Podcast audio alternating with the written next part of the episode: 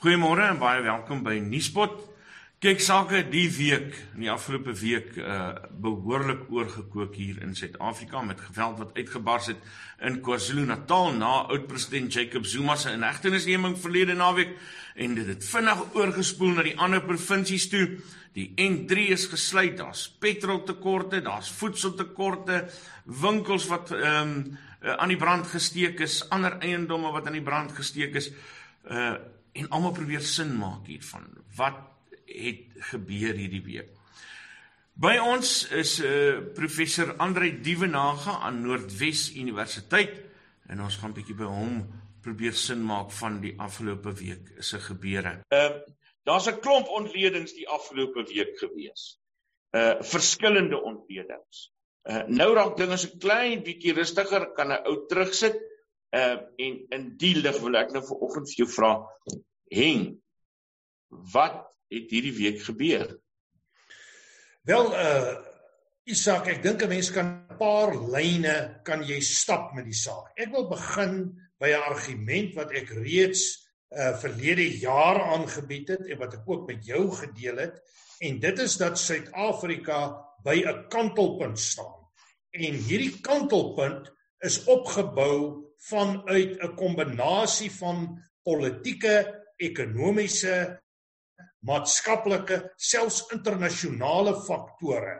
En in die hart hiervan lê die ANC dinamika of dan die konflik van die ANC.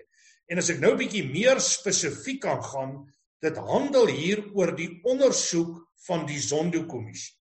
En die getuienis voor die Zondo-kommissie het onder meer daartoe gelei dat ons hofsaake het teen Ysmagashule dat meneer Zuma in hegtenis geneem is vir sy ondermyning van die reg deur nie te gaan getuig by die Zondo-kommissie nie, maar dan 'n faktor wat dikwels misgekyk word. En dit is die ongelooflike sterk bevindinge teen die staatsveiligheidsagentskap. En dis vir my duidelik dat die staatsveiligheidsagentskap hier in die kern van die problematiek staan.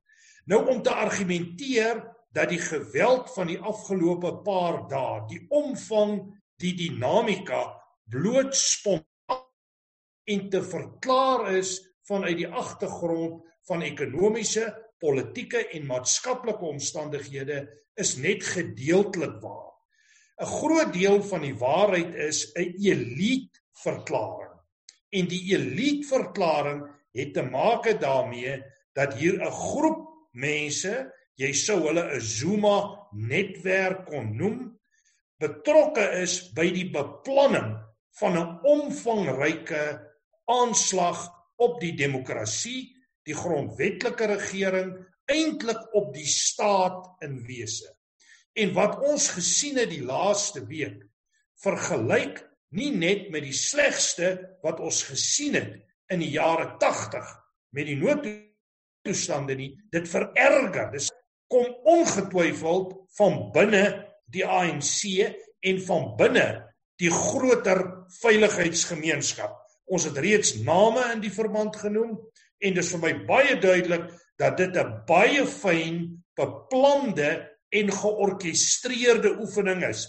Weliswaar het hy nie altyd uitgespeel soos hy beplan is nie. En dan belangrik om te sê, ek dink nie hierdie is die einde van hierdie beplanning nie. Ja, daar's ongetwyfeld 'n plan B en 'n plan C vir hierdie groepering. Hulle het nog nie bereik wat hulle wou bereik nie. Die sentrale doel is om meneer Zuma uit die tronk te kry Maar eintlik gaan dit oor die verwydering van meneer Ramaphosa, dit gaan oor die topnuutmaak van die Zondo-kommissie. Ek lees dit in die hart van hierdie problematiek. As ons praat van georkestreer dan eh, dan wil ek 'n paar vrae daaroor vra. Uh want uh, georkestreerde pogings om 'n staat te destabiliseer Eh, eh, het gewoonlik spesifieke teikens in gedagte. Iets soos kommunikasie mediums ehm um, en en die sulke sleutel uh instellings wat wat nie in hierdie geval gebeur het. Uh wat maak dit anders? Wel, uh ek dink tog dit het op 'n manier gebeur. As jy bloot gaan kyk na jou voedselketting, gaan kyk na die skade wat sommige winkels en kettinggroepe gekry het. Ons het brande gesien by volstasies. Ons het ontwrigting gesien van van die padroetes. Mate dat die N3 vir 'n periode gesluit was. Ons sien die ontplooiing van die weermag om bepaalde infrastruktuur te beskerm.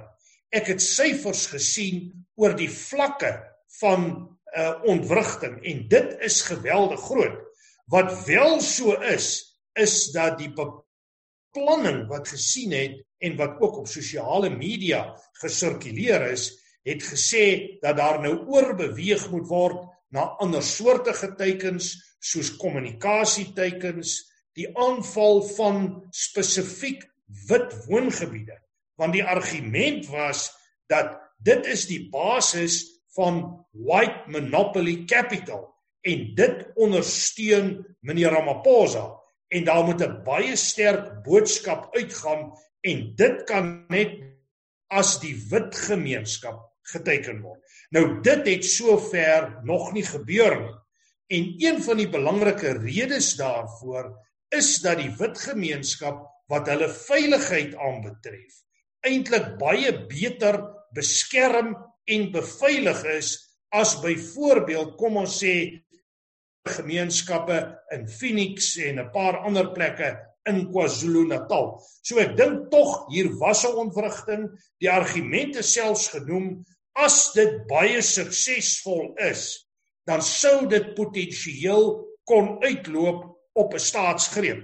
Wat my weer terugbring, Isak, by die argument wat ek lede jaar met mense soos Piet Kroukamp en ander gehad het oor die posisie van meneer Ramaphosa en wat hier uitgespeel het bevestig eintlik maar op 'n manier die kwesbaarheid van meneer Ramaphosa en die feit dat hy as leier nie oral geag word nie. Op 'n manier kan dit wat in KwaZulu-Natal gebeur het en uitgespeel het Gauteng toe en 'n klompie ander plekke gesien word as 'n rebellie van binne die ANC wat uitgebars het en uitgebreek het op 'n geweld en 'n kriminele manier. En ons moet net onthou dat geweld en kriminaliteit is deel van die DNA van die ANC. Jy kan hom histories baie ver voor 94 gaan haal. Jy kan kyk na wat gebeur het met die wapenskandaal. Jy kyk na die hele konteks van staatkaping. So hierdie goed lê in die binnewerking van die ANC en hier het 'n ontploffing daarvan plaasgevind. Maar in die fokus hiervan lê Ramaphosa, lê Zondo, lê die pogings om die koalisie van die korruptes as dit ware uh in te perk en onder 'n regslyn te bring.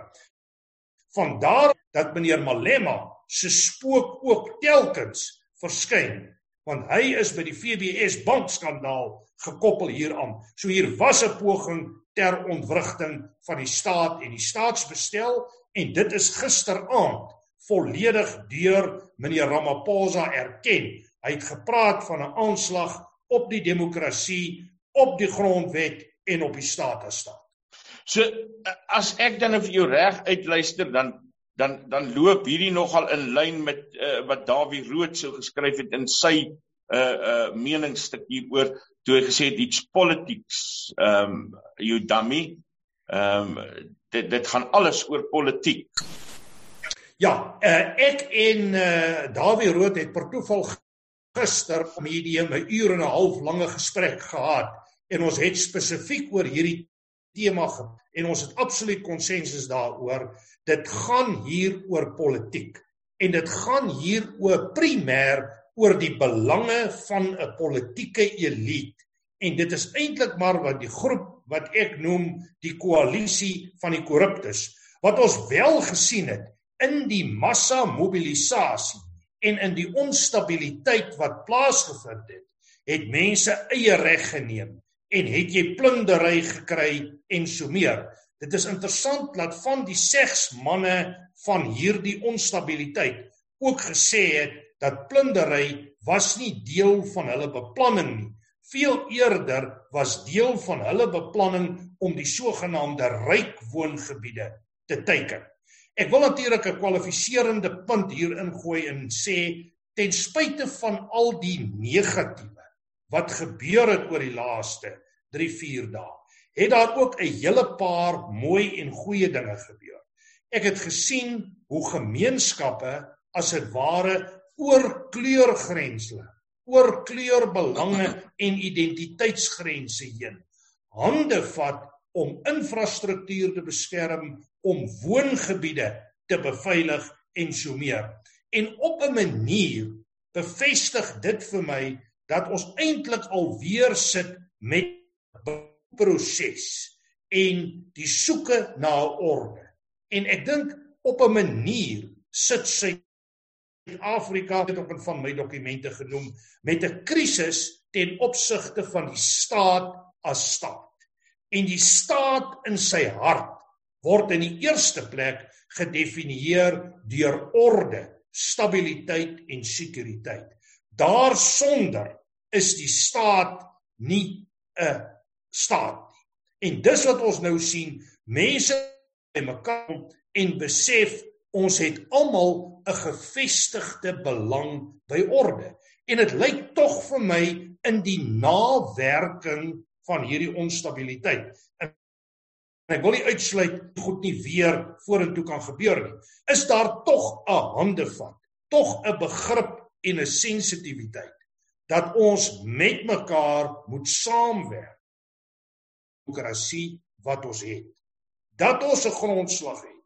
Dat hy nie volledig daar is nie, maar laat ons daarop moet bou. En ek dink Suid-Afrikaners het 'n belang by die beskerming en instandhouding van demokratiese waardes. En gisteraand het dit ook in die aankondigings van meneer Ramaphosa baie sterk na vore getree. Dit was positief. Ek is wel bekommerd dat die maatreëls waarskynlik nie sterk genoeg kan wees indien die situasie vorentoe weer sou ontspoor nie. En van die planne wat ek gesien het sê dat 'n primêre teken word en daar word baie op Soweto omdat Soweto 'n stuk simboliek dra. Die 76 opstand eintlik die begin van kom ons noem dit die revolusie in aanhalings hulle optrede gaan stop nie. Ons moet 'n gedagte hou, meneer Zuma is nog in die tronk, meneer Ismagashule verskyn eersdaags weer voor die hof. Daar is ontevredenheid, daar is belange wat bedreig word en daar's beduidende bewyse en hier is 'n risiko, 'n gevaar vir die regstaat in die algemeen. Andrei, die vraag is dan nou hoe groot daai gevaar is. Want uh, in all honesty, ehm um, as 'n ou nou kyk na wat gebeur het, dis verskriklik. Ehm uh, en ek wil nou-nou met jou oor die armoede deel daarvan verder gesels. Uh maar, maar as daar dan nou regtig so 'n groot beplande ding was, dan is dit maar redelik slordig gedoen. Ehm um, dan lyk dit nie vir my of enige staat te bang hoef te wees uh as hulle hard genoeg terugslaan teen dit wat gebeur nie. Isak ja, uiteraard was hy beplan en uiteraard was hy slordig. Groter vraag hier wat vir my belangrik is. Hoe kon iemand hierdie stuk al noem ons dit slordige beplanning doen en die president neem nie kennis daarvan of reageer nie betyds daarop nie. Dan sê dit vir my daar is 'n groot fout binne ons veiligheidsstelsels. En ek is baie bekommerd oor die stand van intelligensie en of die president se vermoë om te luister na sy veiligheidsadviseurs. Ek het boodskappe gekry dat die president 2 dae voor die onluste volledig ingelig was oor hierdie beplanning. En tog het dit plaasgevind en het die president reaktief gereageer. Wat vir my weer uitbring by 'n ouer punt wat ek al in die verlede gemaak het, ons mis leierskap in hierdie situasie. Ons mis 'n leier wat kan opstaan en proaktief hier funksioneer. Nou weet ek ek gaan baie mense ontstel, maar kom ons sê vir mekaar dat so iets nie sou plaasgevind het onder die bewind van 'n PW Botha nie. Hy sou ongetwyfeld hierdie saak daadwerklik hanteer het, gestabiliseer het en beveilig het soos gebeur het in die 80er jare. Maar die huidige omgewing is baie anders. Die veiligheidsmagte is onbekwaam, inkompetent, beskik nie oor goeie kapasiteit nie en in kort, ek is nie seker of die president altyd kan reken op sy veiligheidsmagte nie. En hier wil ek 'n paar dinge noem. Die polisie mag het geweldige konflik tussen die minister en die kommissaris van polisie. Duidelik sien hulle nie oog tot oog nie. Daar is gerugte dat Cele en is in die media gepubliseer ondersoek word vir korrupsie. Daar is getuienis dat Cele moontlik geskuif kon word in 'n kabinetskommeling wat nou al vir die laaste maand of wat so genoem word in die media hier en daar. Ons kyk na meneer Zuma se invloed binne die intelligensiedienste. En ek sluit dit nie uit dat hier 'n vorm van sabotasie kon gewees het nie of 'n vorm van onbekwaamheid in die veiligheidsomgewing. Maar iemand het hier groot foute gemaak. Enige staatsbestel kan nie toelaat dat 'n saak ontwikkel soos hy ontwikkel het oor die laaste week tot by die punt waar jy eintlik met 'n situasie sit waar 'n groot deel van Suid-Afrika in effek onregeerbaar is en waar jy met 'n situasie sit waar plundering openlik plaasvind nie. So ek dink hier wys 'n paar vingers na meneer Ramaphosa, hier wys talle vingers na die veiligheidsomgewing. Dis 'n tyd om nuut te dink. In 'n breër politieke sin het ons nou die kantelpunt bereik. En dis interessant dat gesprekke met politici laaste week het dit ook uitgekom dat partypolitici beklemtoon dat hulle nou nuut moet dink oor die toekoms dat hier waarskynlik herbelynings gaan plaasvind. En op hierdie punt wil ek is nie oortuig minder nou as van tevore dat ons 27 Oktober 'n verkiesing gaan hou ek dink nie ons is gereed vir 'n verkiesing en ek lees dat 'n verkiesing gepaard kan gaan met hoë vlakke van onstabiliteit. En as jy nie stabiliteit het nie, kan jy nie 'n vrye en regverdige verkiesing hou nie. So die demokrasie op 'n manier is reeds onder beleg en ons sien al reeds elemente van wat ek noem praetoriaanse politiek. Nou dis nie Pretoria beteken leiwag, skildwag, dit verwys na die inmenging veiligheidsestablishment in die politiek van die dag. Hmm. En Ramap weggestuur daarvan. Hy wou dit nie te sterk beklemtoon nie, maar tog het ons de facto 'n noodtoestand. Andrei, daar's uh, ontledings wat wil hê dat armoede uh die basis is van wat hierdie week gebeur het. Iemand skryf op uh Twitter in uh as 'n uh, promosie vir 'n gesprek wat hulle sou hê om te sê as jy ontken dat dit armoede is, dan verstaan jy nie armoede nie. Maar uh, as dit regtig uh die basis is vir wat hier gebeur het, uh dan bestaan daar verskillende soorte uh, arm gemeenskappe in hierdie land want nie alle arm gemeenskappe het hieraan deelgeneem nie. Inteendeel jy uh, jy het nou-nou verwys daarna gemeenskappe het saamgestaan uh om te keer dat uh, hulle geteken word. Isak kom ons sê vir mekaar dat arm ernstig is. Meer as 50% van die Suid-Afrikaanse bevolking lewe in toestande van armoede Hierdie situasie het baie drasties versleg en in my gesprek met Dawie Rood nou die ander aand het dit ook baie sterk uitgekom. en hy het een baie interessante syfer genoem wat ek hier wil herhaal.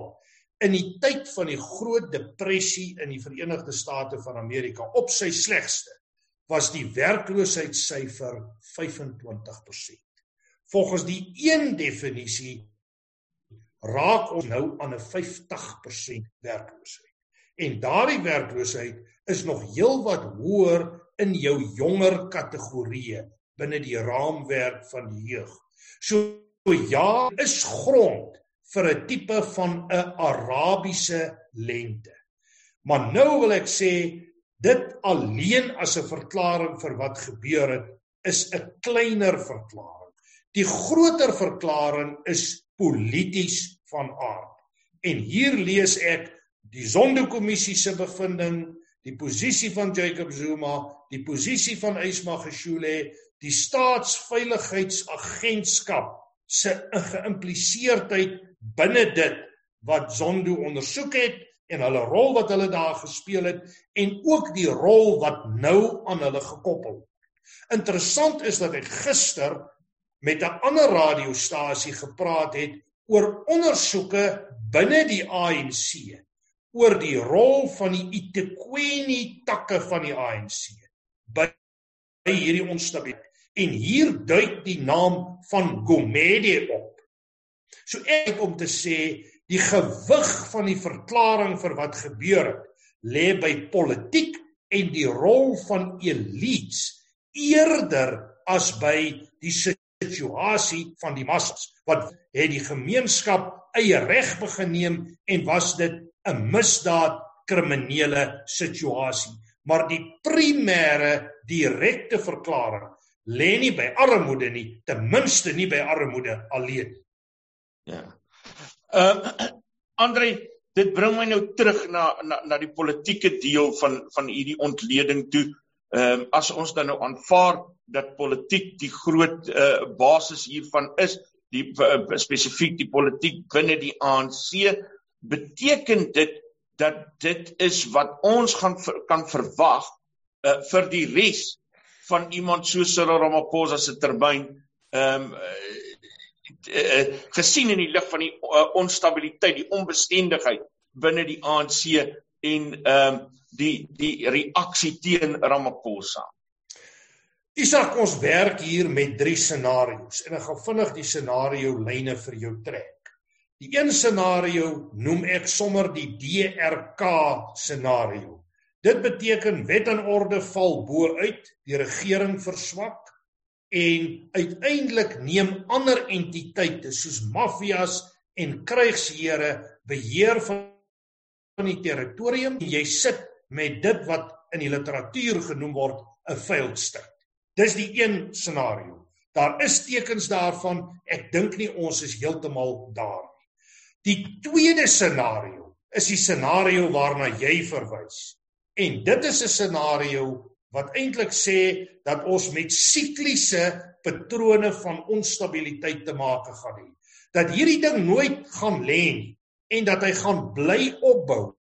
En die kore wat hom laat opbou is die bevindinge van die Zondo-kommissie, die optrede van die nasionale vervolgingsgesag en die reaksie van die politieke sterk manne op hierdie tipe bevindinge.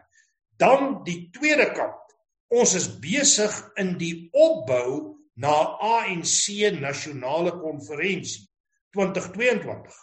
En ek kan vir jou waarborg dat daar groot mobilisasie gaan wees teen meneer Ramaphosa. En hierby sê ek nie dat meneer Ramaphosa se posisie nie gefestig is binne die ANC nie. Hy verteenwoordig 'n groot groep, hy verteenwoordig waarskynlik 'n meerderheid groep Maar dit wil nie sê sy posisie is veilig. Hierdie koalisie van die korruptes gebruik baie onkonvensionele taktieke om hulle mag te demonstreer, waarvan geweld en kriminaliteit een is. En dan het hulle 'n baie interessante bondgenoot in die naam van Julius Malema wat ook by hierdie konflik betrokke is. Ons weet nie watter rolle sekere mense binne die staatsveiligheidsagentskap gaan speel nie. En dan aan die ander kant het ek my kommer oor staatsstrukture se vermoë om orde te handhaaf. So dis die tweede middelgrond scenario wat eintlik maar sê 'n voortsetting van die status quo, sikliese geweld, onstabiliteit, die omgewing is altyd en ten beste ongemaklik en hy versleg waarskynlik in die algemeen. Die derde scenario noem ek die Kanada scenario. Nou toe ek 'n tyd in Kanada klas gegee het, was dit vir my duidelik dat die Kanadese buite in die straat ontmoet hulle mekaar as Kanadese en hulle werk saam in die nasionale belang as patriotte. Maar as hulle by hulle huise is, dan sien jy die onderskeie identiteite baie duidelik. Dis Frans, dis Engels, dis Italiaans, dis Duits en so meer. En hulle het daai balans gekry. En ek dink die ideaal vir Suid-Afrika om na daai scenario te probeer werk. Maar om dit reg te kry, het jy orde en stabiliteit nodig. En lyk my in hierdie omgewing waar ons nou is, is praetoriaanse politiek uitbrand tot dit. En dan moet ons weer gaan sit by die tekenborde en ons moet kyk na hoe kan ons staat bou, nasie bou, bevorder. Hoe kan ons hierdie orde definieer? En daarbey sê ek nie ons moet die grondwet van die tafel vee nie. Ek sê die grondwet het ons geneem tot by 'n punt. Ons betree nou 'n nuwe fase. Ons moet verder bou en verder ontwikkel. En ek sluit dit nie uit dat die toekoms van Suid-Afrika fundamenteel anders kan lyk as wat hy op die oomblik lyk nie. Trouwens, een van my trajecte is dat in die dekades wat voorlê, ons na Suid-Afrika in 'n historiese sin kan verwys. Ek sluit nie uit die balkanisering van die groter staat gegeewe patrone van onstabiliteit nie. En een motivering hiervan en daar's baie motiverings daarvan. Jy kan kyk na Cape Exit en jy kan kyk na 'n klomp goed, maar die Suid-Afrikaanse staat 1910 was eintlik maar 'n kunsmatige eenheid. En die groter geskiedenis is besig om bepaalde lyne te trek. En hoe ons dit nou gaan bestuur, gaan daai toekoms bepaal. En as ek dit sê, dan bedoel ek die wyse hoe ons hom hanteer gaan of vir ons 'n DRK gee, gaan of vir ons 'n voortsetting gee van onstabiliteit of kan ons die proses omdraai na 'n tipe van 'n Kanadese situasie waar daar 'n nuwe ekwilibrium is tussen wat nasionale belang is en die belang van bepaalde identiteite. Nou as ons kyk na die groter geskiedenis van Suid-Afrika. En die Suid-Afrikaanse staat is 'n nuwe staat. Net so terloops, uh rondom 1800 was daar 20 state in die wêreld. Op die oomblik is daar meer as 200. So die meeste state is nuwe state. Suid-Afrika ook 'n relatief nuwe staat. My kyk is dat in die toekoms vorentoe, nou praat ek van dekades vorentoe, mag ons 'n punt bereik waar ons na Suid-Afrika verwys histories as 'n geografiese eenheid en dat daar uit hierdie verandering verskeie identiteite en entiteite kan groei. Frans het 'n kronjeete term wat hy gebruik enklawe politiek om hierdie skryf. En as jy net vinnig na ons geskiedenis teruggaan, voor 1910 het ons omtrent 20 boererepublieke of 16 boererepublieke gehad, ons het verskeie Britse koloniale gebiede gehad, ons het koninkryke gehad, ons het die gebiede gehad van die koei en die sand. En almal begin nou bepaalde aansprake te maak. En soos hierdie proses losstorm, herdefinieer hy homself in 'n nuwe rigting. Dis baie interessant van die laaste week tot watter mate die privaat sektor beheer oorgeneem het van veiligheid en sekuriteit. Wat eintlik sê ons het reeds elemente van 'n parallelle staat binne Suid-Afrika waar die een orde, dis nou die offisiële orde, val, kom hier ander meganismes in plek en hulle dra ons vorentoe. Ek verwag dat daai dinamika vorentoe sterker gaan word. En ek wil 'n laaste punt hier maak. Die Indiër gemeenskap het dit vir ons bewys. Die Indiër gemeenskap het onder geweldige druk gekom van die swart gemeenskap in terme van aanvalle. En uiteindelik het hulle gesê veiligheid en sekuriteit is, is alles oorheersend. Ons primêre definisie en 'n primêre behoefte. En dit moet ontwikkel word. Dit sal ons moet bou en ek is van mening dat die orde wat ons nou het ontoereikend is om die belange te akkommodeer. Professor Andre Dievenage jong, ek wil so graag met jou oor nog so baie gesels, maar dan gaan ons te lank aangaan.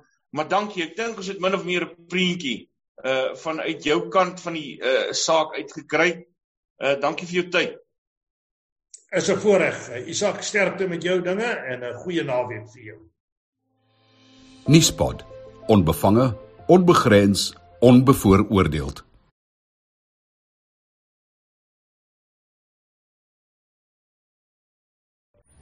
Verkeersboetes behels meer as 'n klein ongerief met minimale gevolge.